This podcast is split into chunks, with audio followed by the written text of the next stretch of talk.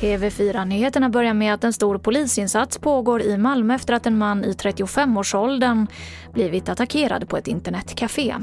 Enligt polisen så har mannen blivit huggen eller skuren och han har förts till sjukhus. Den misstänkte gärningsmannen tros vara en pojke i tonåren och polisen söker nu efter honom. Ett tyskt snöoväder har tillfälligt stoppat Pfizers vaccinleveranser till Sverige.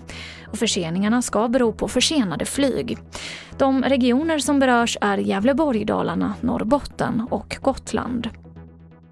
Och jag avslutar med att försäljningen av mjukiskläder har ökat kraftigt under coronapandemin.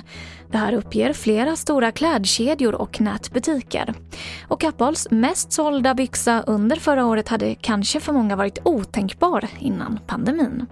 Ja, på herrsidan så är det ju bland annat de här rutiga pyjamasbyxorna som man har trivts bra i. Det har verkligen exploderat. Så det här tyder ju på att man kanske spenderar mer tid hemma framför datorn där inte underkroppen syns så mycket. Det sa Caroline Ahlberg på Kappahl. Och det var det senaste från TV4 Nyheterna. Jag heter Emily Olsson.